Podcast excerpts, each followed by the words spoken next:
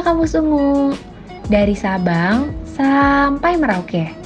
Kembali lagi nih bersama aku Sekar Sandia selaku staf muda bidang humas BEM FK Mundip 2021 di mana lagi kalau bukan di FK On Air in IGTV BEM FK Mundip. Kali ini FK On Air akan membahas tentang A Guide to Survive a Quarter Life Crisis Nah, sekarang kita udah bersama narasumber kita yang pastinya gak kalah keren nih dari temanya. Ada Kak Putri Ardia selaku content lead dari Self Love Warrior. Halo Kak Putri. Oke, halo teman-teman semua. Thank you banget dari BEM FKM Undip udah ngundang aku. Mungkin kenalan. Halo semuanya teman-teman. Terima kasih. Aku Putri Ardia. Di sini aku sebagai content lead dari selflovewarrior.id. Salam kenal very excited untuk bisa sharing-sharing dan juga ngobrol ya untuk ke depannya. Salam kenal juga Kak Putri. Jadi tadi kan udah disebutin ya kalau misalnya Kak Putri ini merupakan seorang content lead di Self Love Warrior. Boleh nggak nih Kak, diceritain sedikit mengenai Self Love Warrior itu apa sih? Nah, selflovewarrior.id ini adalah sebuah organisasi yang isinya anak-anak muda yang sangat passionate banget soal isu-isu tentang kesehatan mental dan juga self-love. Nah, karena kita emang fokusnya di Indonesia, kita juga fokus untuk encourage anak-anak muda untuk bisa ngobrol ya, untuk bisa speak up dan juga lebih terbuka untuk ngomongin isu-isu yang mungkin tabu, mungkin masih sulit untuk diomongin. Jadi di sini kita pengen on encourage dan juga open conversations biar semua bisa lebih aware dengan uh, kesehatan mental yang lagi dialaminnya. Nah, kalau untuk self love warrior ini biasanya nggak cuma bikin konten aja ya di Instagram, tapi kita juga ada beberapa program lainnya. Salah satunya itu ada Self Love Bootcamp. Itu adalah bootcamp pertama di Indonesia yang ngomongin tentang isu kesehatan mental juga fokus di self love. Nah, keren banget kan? Selain itu, kita juga ada virtual support group di mana kita nyediain space untuk anak-anak muda maupun uh, ya entah dari SMA maupun anak kuliahan dan juga udah kerja itu bisa gabung, bisa join bareng, bisa ketemu orang yang mungkin lagi struggling gitu. Jadi kita bersama-sama kita menciptakan safe space untuk bisa lebih ngobrolin soal apa pun yang mereka uh, kesulitan dan kita juga bisa coba untuk cari jalannya gitu. Dengan adanya professional help dan juga entah webinar-webinar selama ini sih kita baru ada topik-topik seputar anxiety, seputar relationships, dan pastinya ke depannya akan ada banyak lagi gitu. Terus mungkin yang terakhir kita juga lagi ngadain nih Goes to School. Jadi kita dari SLW, organisasi, kita coba datang ke sekolah-sekolah, entah SMP, entah SMA, kita coba untuk ngadain webinar dan juga macam ini ya klub sekolah gitu biar kita bisa lebih ketemu anak-anaknya dan juga ketemu gurunya nih sampai bahkan kepala sekolah. Kita di situ pengen coba berdialog agar nanti isu-isu kesehatan mental tuh udah nggak tabu lagi. Seperti itu sih tentang self love warrior. Wah, emang keren banget sih. Jujur aku juga suka ngeliatin konten-konten di Instagram Self Warrior dan ternyata ada juga program-program menarik lainnya yang bisa diikutin. Nah, mungkin sekarang bisa kita mulai ya kak sesi sharing-sharingnya. Jadi dalam kehidupan pastinya terdapat beberapa tahap yang akan kita lewati. Salah satunya adalah masa transisi dari fase remaja menuju fase dewasa. Masa di mana setiap individu mulai memikirkan tentang rencana dan pilihan mereka untuk masa depan. Nah, hal itulah yang menyebabkan terjadinya fase quarter life crisis. Kalau menurut Kak Putri sendiri, apa sih Kak yang dimaksud dengan quarter life crisis? Mungkin tadi udah sempat dimention sedikit ya tentang quarter life crisis itu sendiri. Tapi kalau misalnya aku boleh cerita, dulu nih aku waktu zaman-zaman kuliah, uh, mungkin dua tahun tiga tahun pertama tuh aman gitu ya. Ngerasa ya udah ngikutin kelas seperti biasa ngejalanin organisasi cari pengalaman ikut-ikut kegiatan cari kenalan perbanyak skill gitu ya.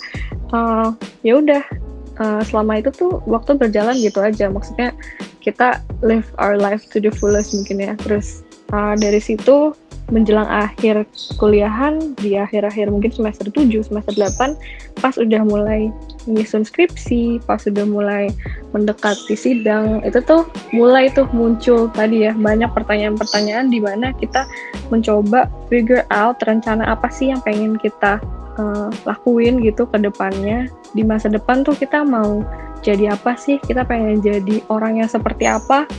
Atau mungkin kita pengen kerja yang kayak gimana gitu di belakang monitor lah, duduk di office gitu, atau mungkin orang yang tipikalnya kerja di lapangan.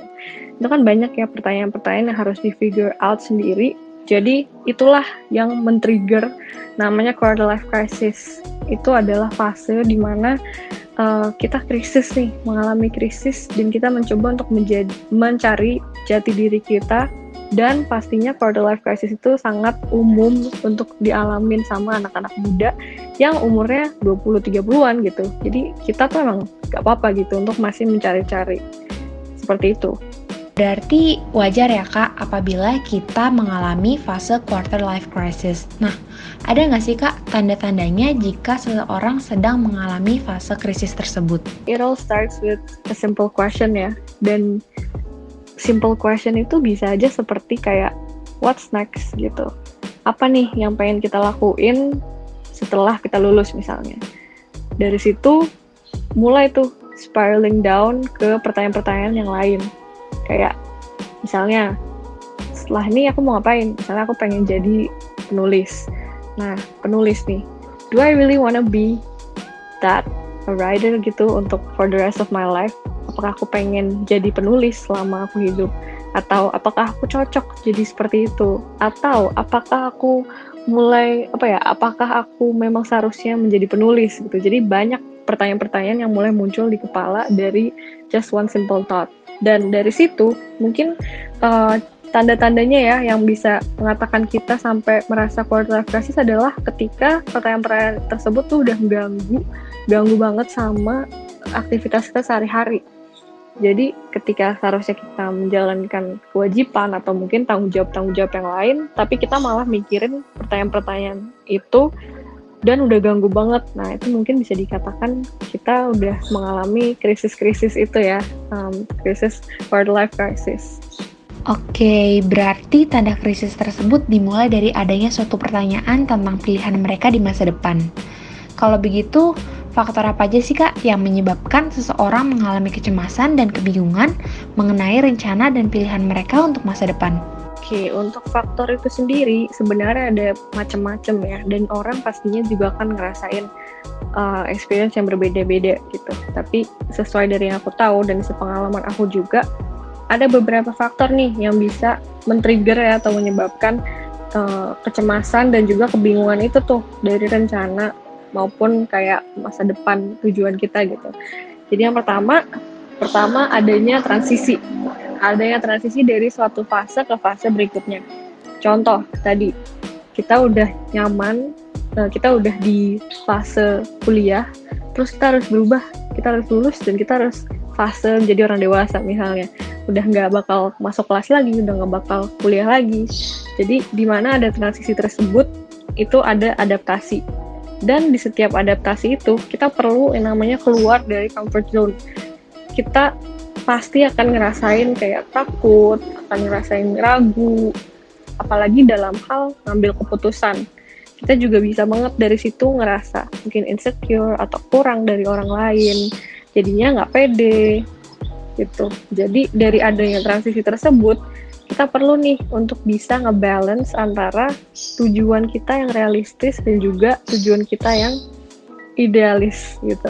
Jadi bisa tuh kita coba untuk balance yang mana nih kira-kira yang realistik, yang mana yang idealistik biar nanti kita gak terlalu uh, sulit ya untuk adaptasi dan juga keluar dari comfort zone.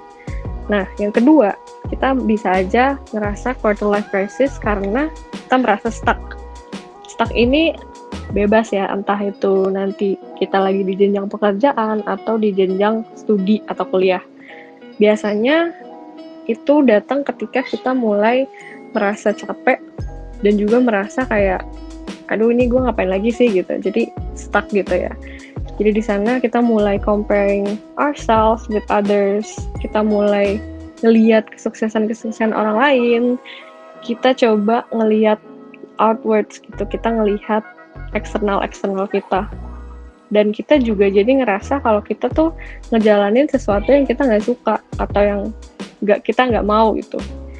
Setiap uh, ngerasa stuck itu kita mungkin bisa aja ya kita berada dalam suatu rutinitas atau mungkin kayak flow pekerjaan atau flow hidup gitu ya yang gitu-gitu aja. Dan kita jadi ngerasa ya hidup gue kok gini-gini aja gitu. Jadi whatever you do you feel unhappy gitu. Dari situlah kita merasa stuck dan dari situ bisa jadi quarter life crisis uh, I think untuk yang quarter life crisis sebenarnya it all comes down to what we wanna do in life sih what you wanna do in life and what feels like your calling dan ketika kita coba questioning kita coba mempertanyakan tentang hidup mempertanyakan tentang tujuan kita ya kita pasti bakal banyak ya dan merasa merasakan segala macam emosi gitu. Jadi aku pengen tekanin jadi kalau misalnya hal yang kita rasain itu semua valid dan semua itu wajar untuk dirasain ketika merasa crisis. Gitu ya kak. Nah, tadi kan udah dijelasin ya mengenai beberapa faktor yang menyebabkan terjadinya kecemasan dan kebingungan. Tapi ada nggak sih kak dampak yang dialami seseorang ketika sedang mengalami fase krisis tersebut? Untuk dampak itu sendiri bisa banyak banget ya dan balik lagi semua orang bisa experience uh, different things. Tapi yang common untuk terjadi itu yang pertama adalah kita merasa kurang gitu. Kita merasa kurang dengan diri sendiri. Kita jadi nggak percaya diri, kita menjadi insecure atas orang lain, kita merasa kecil, we feel small towards even our achievements. Padahal mungkin nggak sebenarnya kayak gitu, tapi that's what we see gitu. Itulah yang kita lihat dari diri kita sendiri. Dari situ kita juga bisa ngerasa stres karena entah tekanan-tekanan, ekspektasi-ekspektasi orang lain maupun ekspektasi diri kita sendiri. Lalu dampak lainnya juga kita bisa jadi nggak motivated.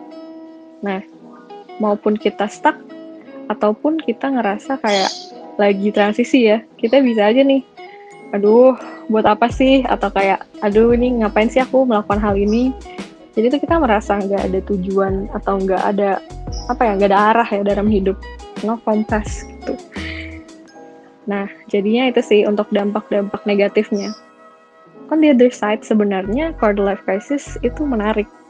Karena dia nggak cuma bikin kita merasakan hal-hal yang buruk, hal-hal negatif, bukan buruk ya, hal-hal yang negatif, tapi kita juga bisa ngerasain hal-hal yang positif.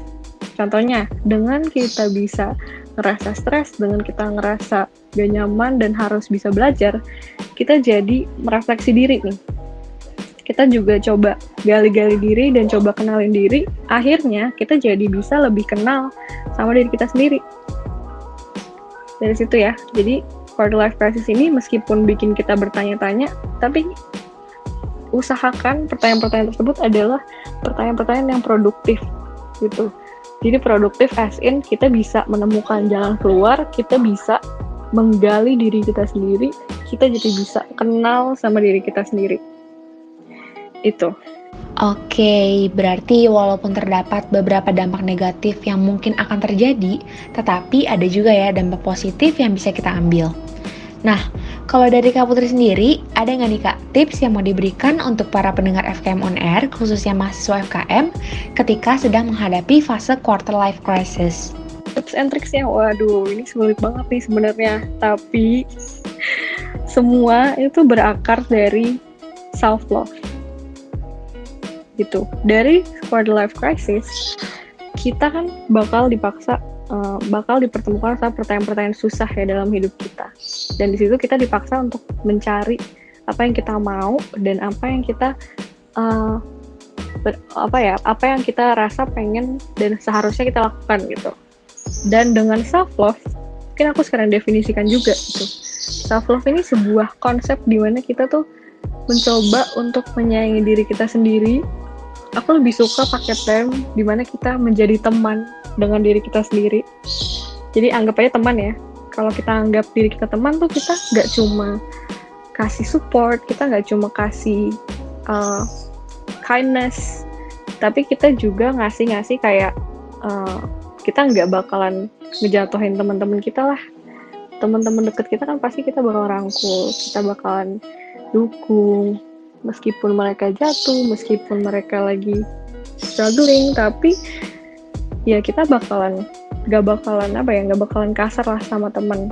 Jadi that's what we should do to ourselves. Jadi gitu. pertama kita harus bisa befriending ourselves. Kita harus tunjukin kita tuh baik untuk diri kita untuk bisa berkembang. Ini kadang suka ini ya self love sama selfish suka dikait-kaitkan, tapi intinya think of it as a friend gitu. Kalau teman kalian slacking off, kalian bakal tegur nggak? Atau biarin aja. Nah, a good friend bakalan negur gitu, bakalan mau what's the best for them. Jadinya mereka bakalan berkembang, mereka bakalan coba jadi versi diri terbaik mereka.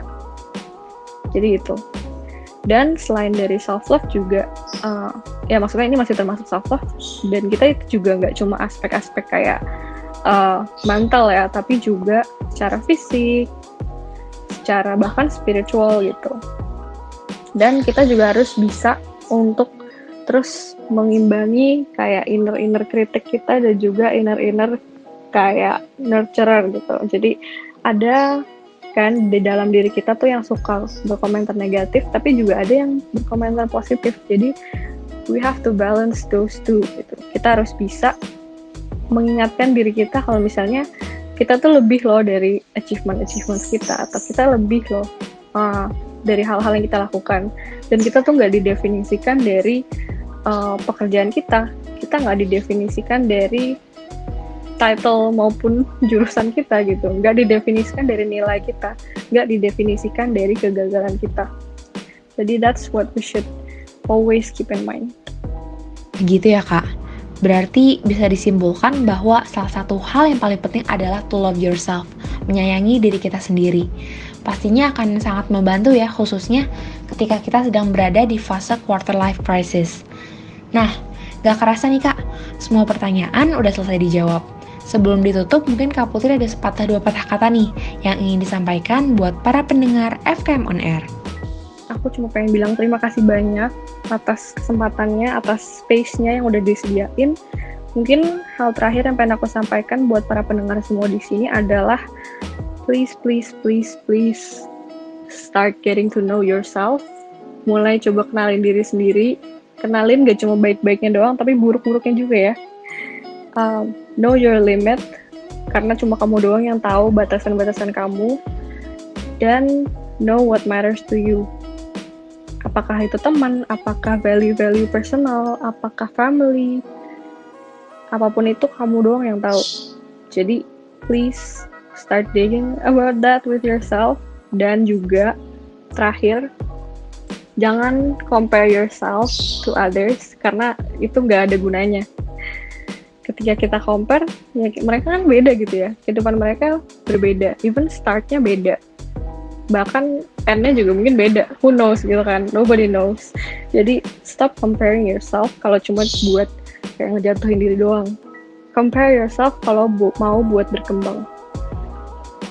Yes that's it. Um, mungkin quotes yang paling aku suka adalah you have nothing to lose and you have nothing to prove. Jadi whatever it is kita harus coba berkembang untuk diri kita sendiri. Jangan um, seek for approval jangan seek for others you know recognition gitu. Do it for yourself because itu kan kayak berarti temen ya. That's your friend. We want the best for them and you want the best for yourself. Jadi gitu. That's all from me. Thank you banget sekali lagi. Oke, aku mau ucapin terima kasih juga buat Kak Putri yang udah mau menyempatkan waktunya nih untuk sharing-sharing bareng kita tentang quarter life crisis. Semoga kakak sehat, sukses, dan selalu dilimpahkan kebahagiaan ya kak. Nah, terkait pembahasan tadi, bisa banget nih diteruskan ke orang lain, terutama orang-orang terdekat kalian, biar sama-sama bisa paham mengenai quarter life crisis. Oh iya, aku mau ucapin terima kasih juga buat temen-temen yang udah dengerin On Air kali ini. Semoga materi yang disampaikan bisa bermanfaat ya. Aku Sekar Sandia pamit undur diri. Sampai jumpa di On Air selanjutnya. Dadah!